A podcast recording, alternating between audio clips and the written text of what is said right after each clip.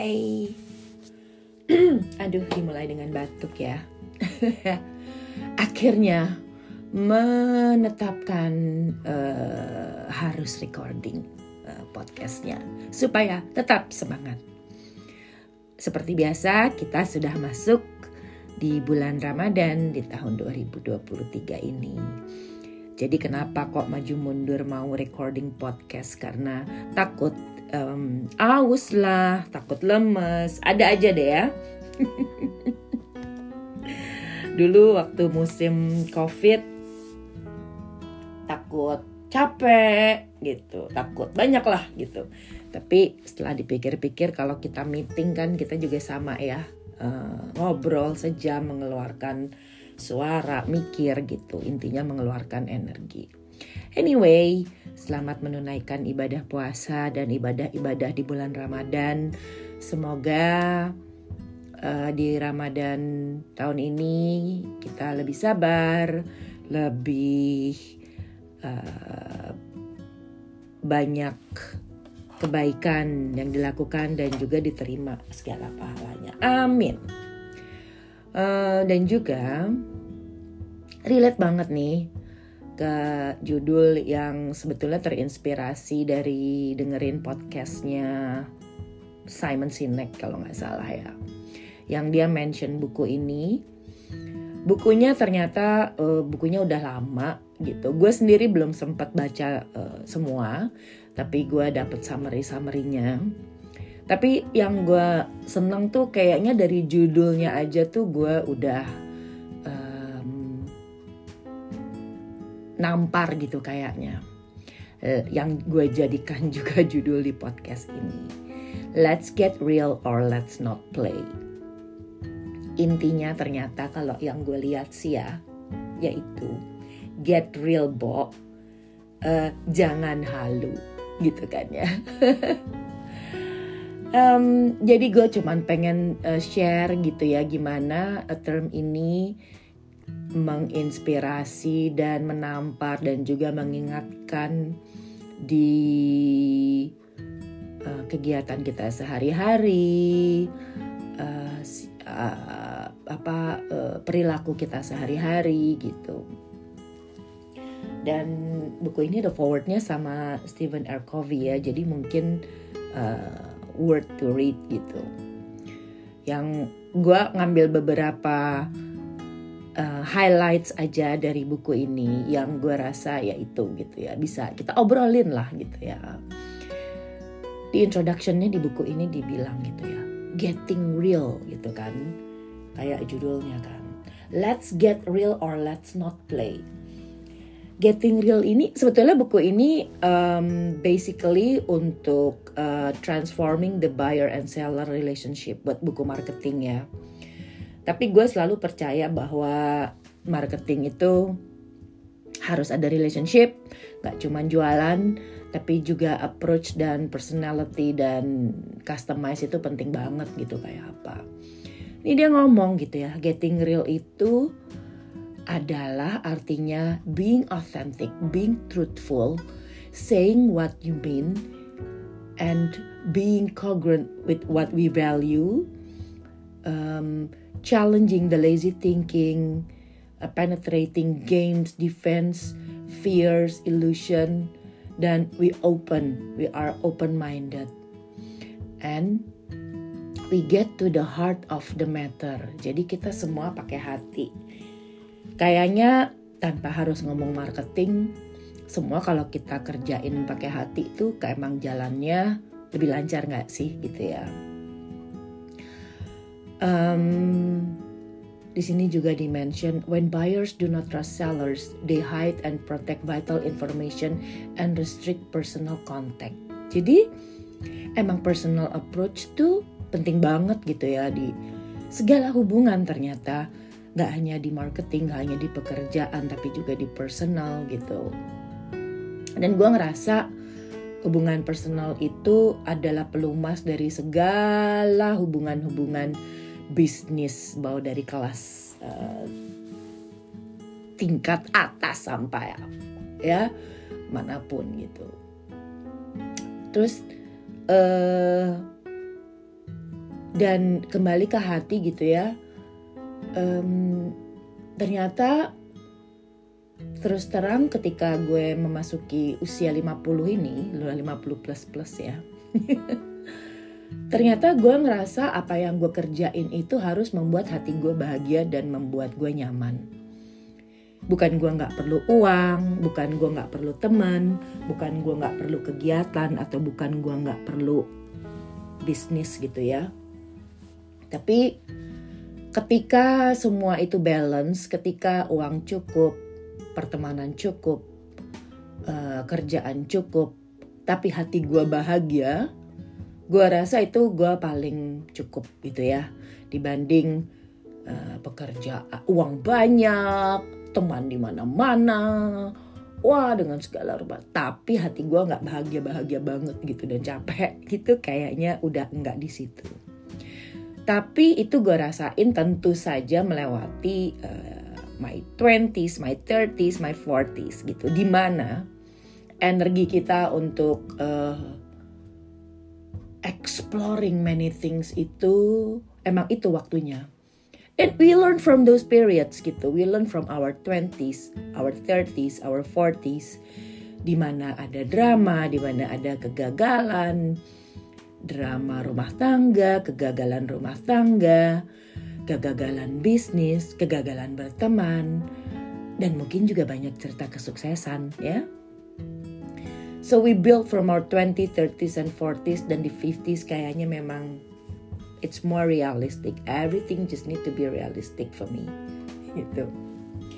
Ini ada beberapa chapter ya yang kalau dilihat dibaca sih sebetulnya sangat marketing gitu tapi gue pengen bahasnya kita relate ke kehidupan aja gitu yang pertama dia bilang adalah key belief nah ini ternyata sama ya di marketing atau di mana-mana adalah trust.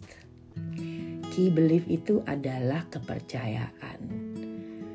Percaya terhadap apa yang lo kerjain terhadap cause atau tujuan yang lo ingin lakukan gitu ya. Karena gue banyak berkecimpung sekarang di NGO dan juga voluntary work uh, tujuan cause itu sangatlah penting supaya hati kita tetap uh, nyaman untuk mengerjakannya karena banyak sekali pengorbanan jika kita bekerja di melayani publik ya kan gitu jadi gimana balik kayak kalau ke bisnis nih dia bilang adalah gimana caranya you trust your numbers. ya enggak sih gitu. Itu penting banget karena ya emang kita suka halu ya. I got a meeting a couple of days ago gitu tentang numbers juga gitu. Kadang-kadang kita main asal taruh numbers uh, sebagai cita-cita. Bukan nggak boleh, tapi ya mesti realistik gitu. Karena kalau nggak achieve itu seperti yang uh, podcast gue uh, sebelumnya yourself sabotage yourself karena you wanna be perfectionist put a high standard with numbers of atau um, apa ya namanya um, tujuan gitu ya uh, dan ternyata begitu itu ternyata lo taruh terlalu tinggi nggak realistis terus iya gue emang terlalu tinggi ya udah sabotase duluan gitu. Nah jadi um, lo percayanya gimana sih untuk menjalankan itu semua gitu kan gimana lo percaya bahwa lo ada waktu untuk mengerjakannya, ada orang dan teman dan tim untuk membantu mengerjakannya, dan yang terakhir seperti yang tadi, uang, money, numbers, and deadline itu mesti kita ngerti ya, gitu ya. Terus di sini juga dia bahas gimana kita punya overview gitu. Kita bisa identify, identifikasi gitu ya. Um, untuk get real gitu. Kita identifikasi kan um, apa uh, gimana kita bisa melakukannya atau, atau kita tidak bisa melakukannya ini ada yang menarik yang gue ambil satu dari chapter ini adalah the rule of yellow lights. Ya, ini juga sebetulnya jadi gue inspirasi untuk ngobrolin soal traffic light system yang um, kayaknya menarik buat ya buat kita review ya. traffic light system merah, kuning, hijau. Nah, kalau di sini the rule of yellow lights itu kan jelas ya. Kalau kita yellow lights itu kalau di jalan adalah di traffic lights itu you have to be careful. Ya. Ada when you have to be careful yang buru-buru gas untuk bisa nerobos ya, dapat hijaunya. Atau ada juga sebetulnya ternyata Yellow lights itu sebetulnya menuju ke merah, bukan kita injek gas untuk kita go on green ya. Jadi yellow lights itu menuju merah supaya kita berhenti. Yellow lights itu untuk kita di sini adalah doubts, keraguan, keraguan lo, concern gitu kan ya, um, kekhawatiran lo, fears, ketakutan, objection, um, keraguan juga itu ya Nah, jadi ketika lo dalam melaksanakan sesuatu itu lo ada keraguan, ketakutan gitu ya. Terus um, keraguan-raguan gitu ya. Itu yellow lights yang mesti lo lo address gitu, yang lo mesti dengerin. Jangan uh, halu gitu ya. Jangan. Jadi karena lo punya overview terhadap yellow lights yang lo rasakan lo jadi punya antisipasi gitu untuk um, overcome gitu supaya nggak kejadian gitu kemudian selanjutnya itu dia bilang adalah opportunity nah ini menarik sih karena kan ya opportunity itu adalah gimana opportunity-nya supaya real kan gitu. Gimana lo uh, ngukurnya kalau lo itu sukses gimana lo ngukurnya kalau lo itu udah berada di situ apakah itu masih um, banyak value buat lo gitu ya um, prioritizing the issues gitu explore. Um, jadi untuk mengidentifikasi opportunity itu juga penting gitu supaya um, get real. Jangan cuman kita ngomong aja jadi kayak ngecap kayak no brainer gitu kan dan dengerin yellow lights lo. Dia bilang gitu and um, kemudian lo lihat gitu dia bilang selanjutnya di keempat itu adalah resource gitu yang balik juga ke tadi ya ada tiga uh, resource sebetulnya um, kalau di kerjaan dan sebetulnya juga refleks ke sehari-hari sih yaitu time, people, and money. Apakah waktunya itu pas? Apakah orang yang mengerjakan itu ada dan dan uangnya dari mana? Semua itu time, people, and money kayaknya akan menjadi um, mix yang terus akan ada ya uh, dalam kita baik personal atau profesional gitu. Waktu kita perlukan untuk mengatur dan melakukan sesuatu untuk deadline, orang kita perlukan untuk mengerjakan dan tentunya money gitu ya. Dari mana modal kita dapatkan kan bagaimana kita mendapatkan profit ya nggak sih gitu. Terus juga decision siapa yang akan ngambil keputusan di kerjaan lo, di kehidupan lo. Kalau gue lihat uh, decision itu kan teamwork ya. Jadi kadang-kadang kalau kita teamwork itu, teamwork itu bisa kita di kerjaan, bisa kita di voluntary work, bisa kita di project, bisa kita di pertemanan. Sesimpel yang kalau gue nih, gue kalau kalau di kerjaan jelas lah gitu kan ya. Kadang-kadang ya dijelasa di kerjaan itu lebih jelas karena kadang-kadang kita ada detail siapa director, siapa manager, siapa staff gitu gitulah. Jadi by hierarchy lo lo tahu siapa yang bisa ngambil decisions gitu kan, terutama di executive decision. Kalau di rumah, di rumah tangga, sekarang kan banyak yang memang equal decision, istri ngambil decision, suami ngambil decision, yang menarik nih kalau aplikasinya ke, ke keseharian pertemanan atau saya uh, di keluarga juga ya kalau gue um, kalau gue misalnya dalam hal traveling nih gue kasih contoh. Baik ketika traveling bersama keluarga besar ataupun bersama teman.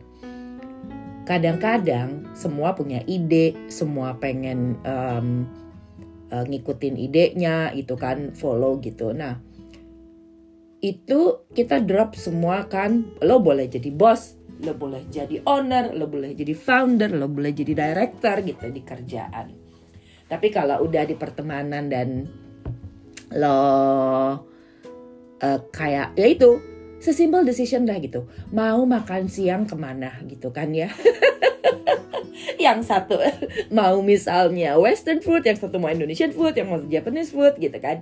Tapi kalau gue kalau gue lihat situasi, kalau kira-kira di grup itu ada orang yang memang sangat leading dan pengen banget gitu kan ya untuk ngatur, I let it to him or her.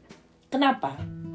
Kadang-kadang uh, kalau gue lihat uh, situasinya, kalau gue lagi nggak pengen banget gitu kan ya makan um, Indonesia, gitu kan ya. Terus ada yang idenya makan Japanese, ya udah gitu. Karena balik lagi get real gitu gue. Santai aja gitu ya. Gue nggak akan mati kok kalau siang itu gue nggak makan nasi padang gitu. Gue masih bisa enjoy loh kok kalau gue misalnya makannya ramen gitu. Jadi let's be real aja deh gitu. Kalau nggak kalau emang nggak real nggak usah play gitu. Jadi it's just like now if you wanna do something gitu kan ya just be real or let's just not play gitu mendingan gak usah deh gitu capek bo gitu. Kalau untuk hal yang tidak prinsipil ya itu tidak prinsipil. Jadi uh, itu basic gitu. Kalau dari keputusan keputusan-keputusan kalau misalnya yang kayaknya harus kita gue dealing with gitu.